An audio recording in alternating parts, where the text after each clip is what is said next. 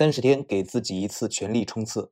大家好，我是 Chris K 叔，欢迎回到我们三十天 OKR 个人目标管理训练营的课程。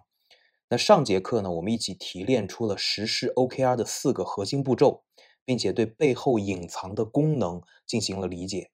那更多的偏向于是认知层面的思考，引导大家以一种更宏观的视角去看待 OKR 实施过程当中的框架。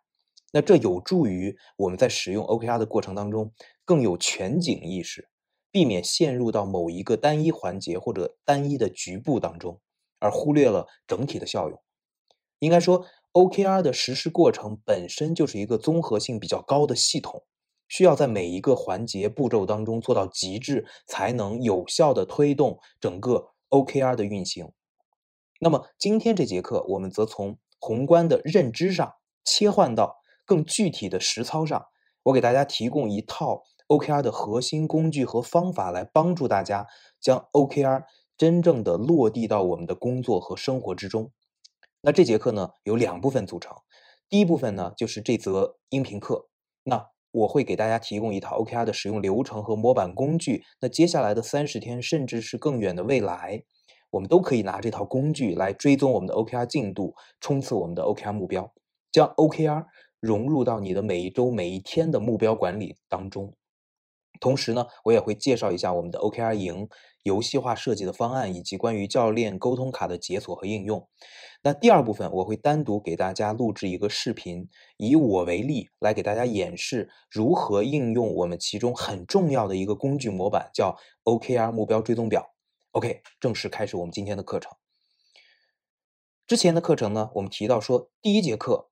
主要是完成 OKR 的前两个步骤，就是选择 OKR 和设定 OKR，大家已经完成了。那接下来的二三四节课则聚焦于后两个步骤，执行和跟踪 OKR。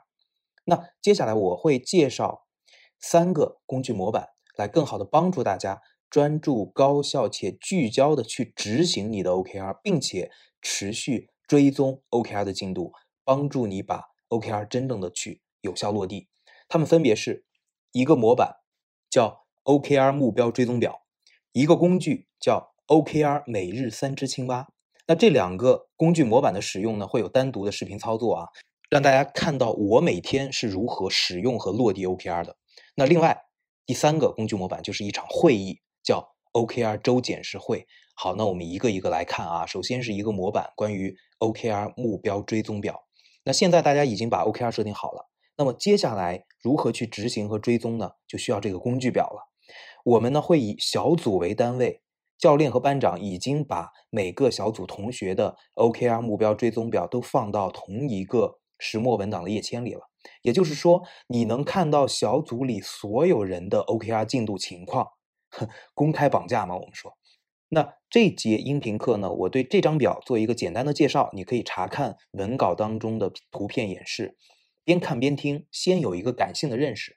听完音频课之后呢，大家再去看单独的实操演示的视频。建议看视频的时候，最好能够在电脑端来去操作，边学边练习，体验会更好。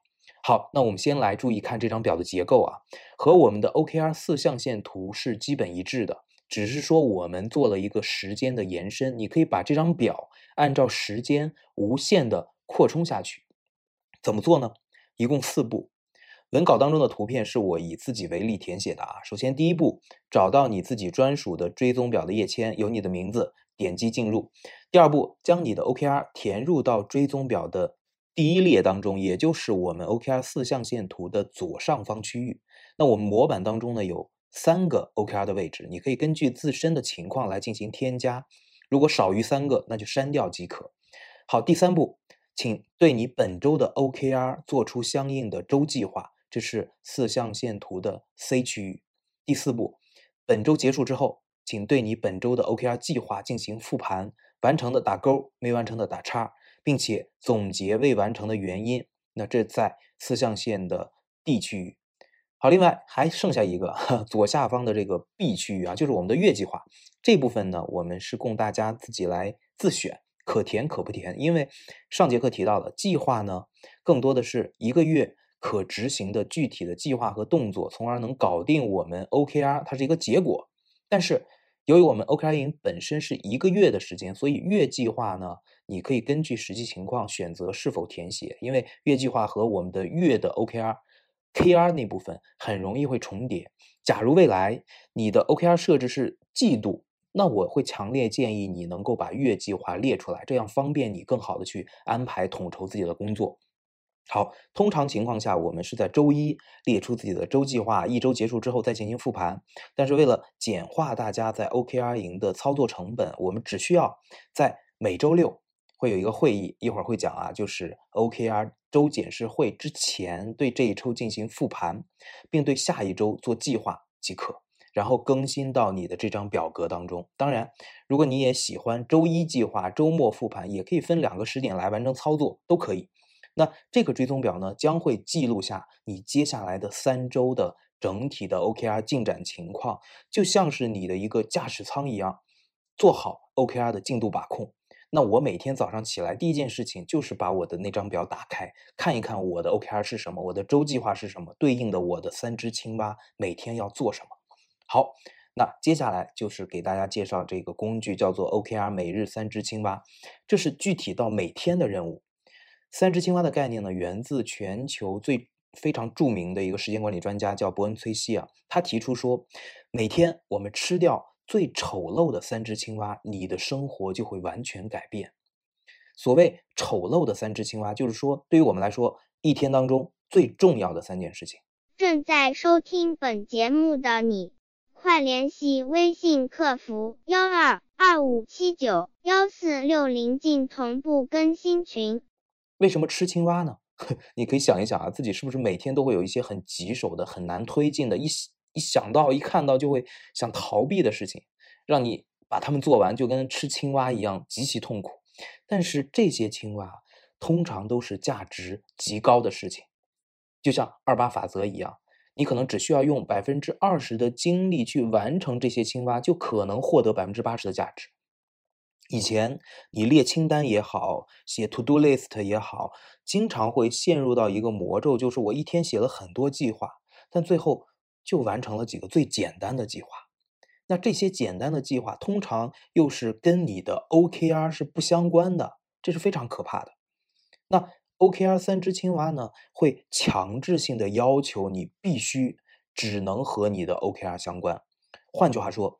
如果一天结束之后，你对你的三只青蛙去复盘，发现，哎，我一只青蛙都没有完成，这个时候你就要去思考了。既然我的 OKR 是我现阶段最重要的事情，但是我忙活了一天，竟然最重要的事情一点儿都没有推进，这说明自己明显的偏离了焦点，没有聚焦你的关键要务，必须要及时做出调整。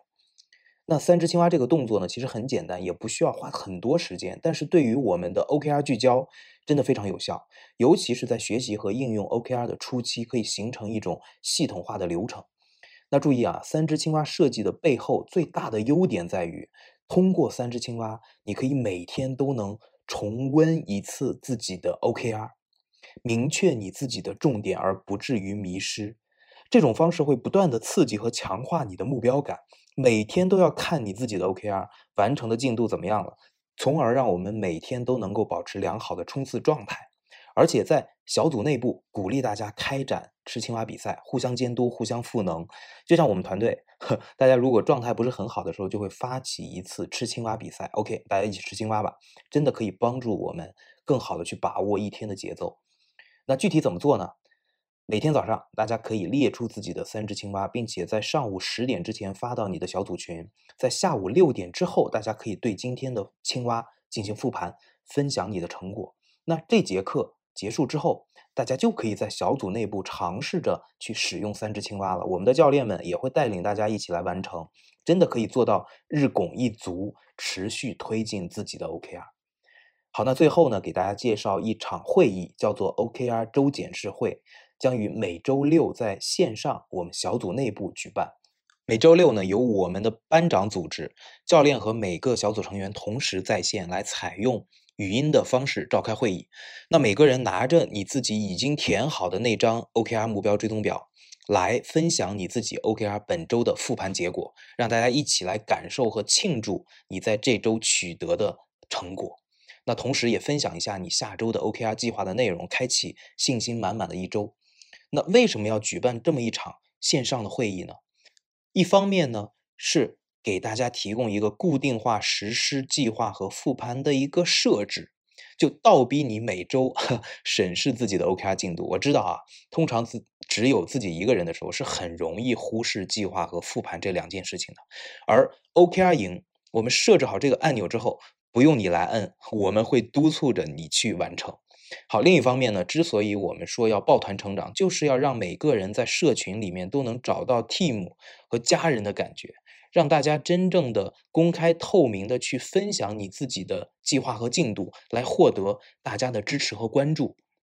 这场会议建议大家一定积极参加，因为只有真正的在社群内发出你的声音，才能让更多的人看到你、了解你，同时才会形成抱团的力量，才能更好的利用我们所说的社交磁力。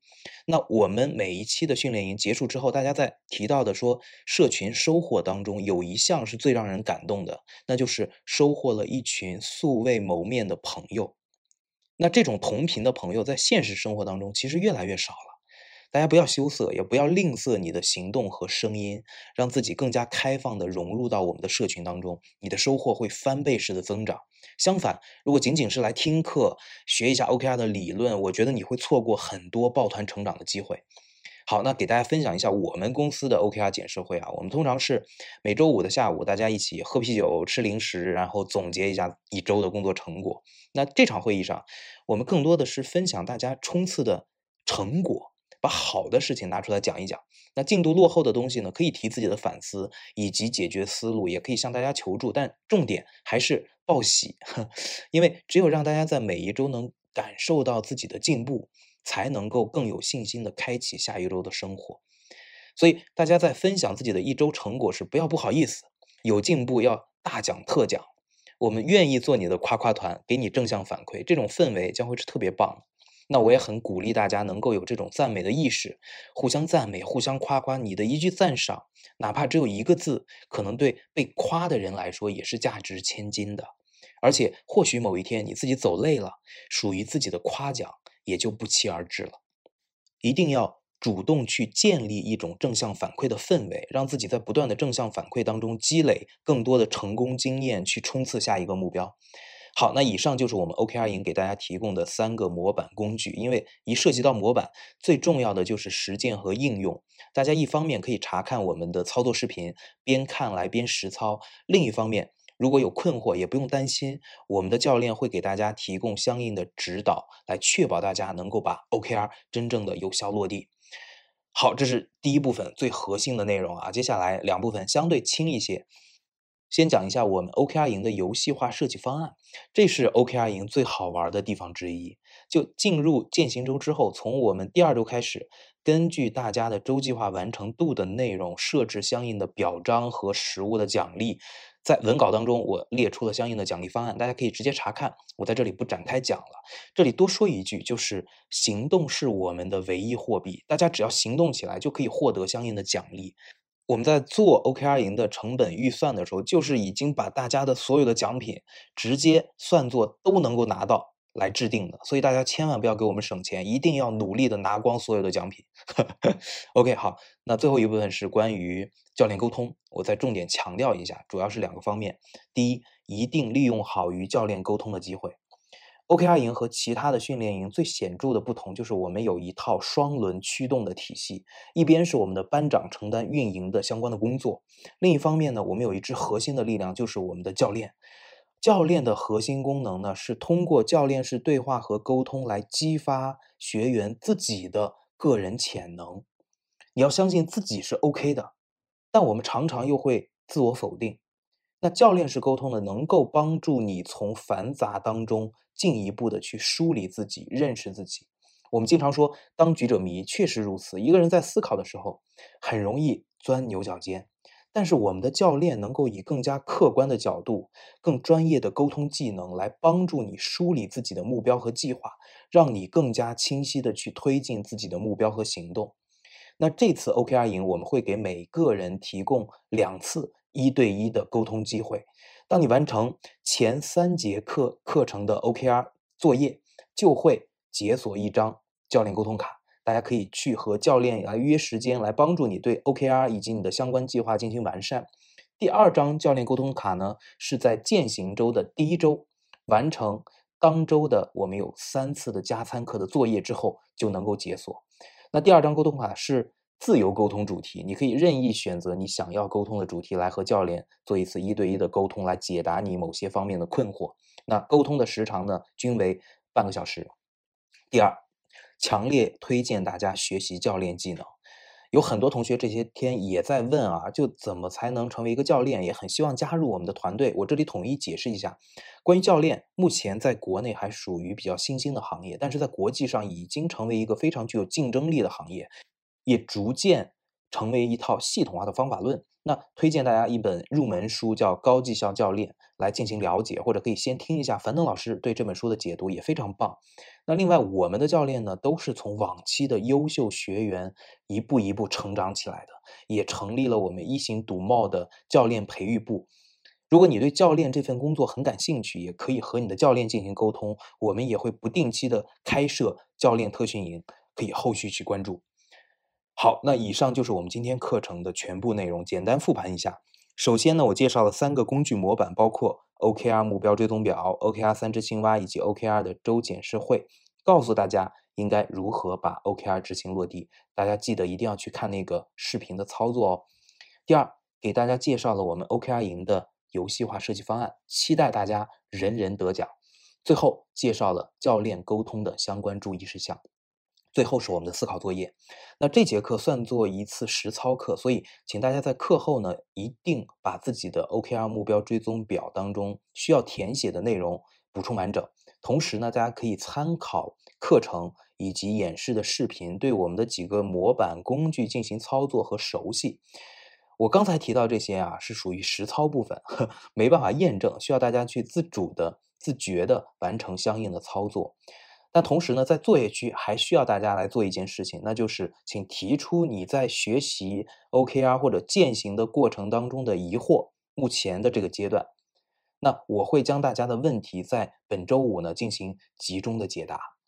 好，那今天的课呢就到这里，明天的课程我们会着重对今天提到的 OKR 三只青蛙这个工具进行单独的讲解，因为它非常重要，帮助大家做好每日聚焦。持续冲刺我们的 OKR，三十天，让我们一起全力冲刺。这是 OKR 营学习周的第三课，我是 K 叔，我们下节课见。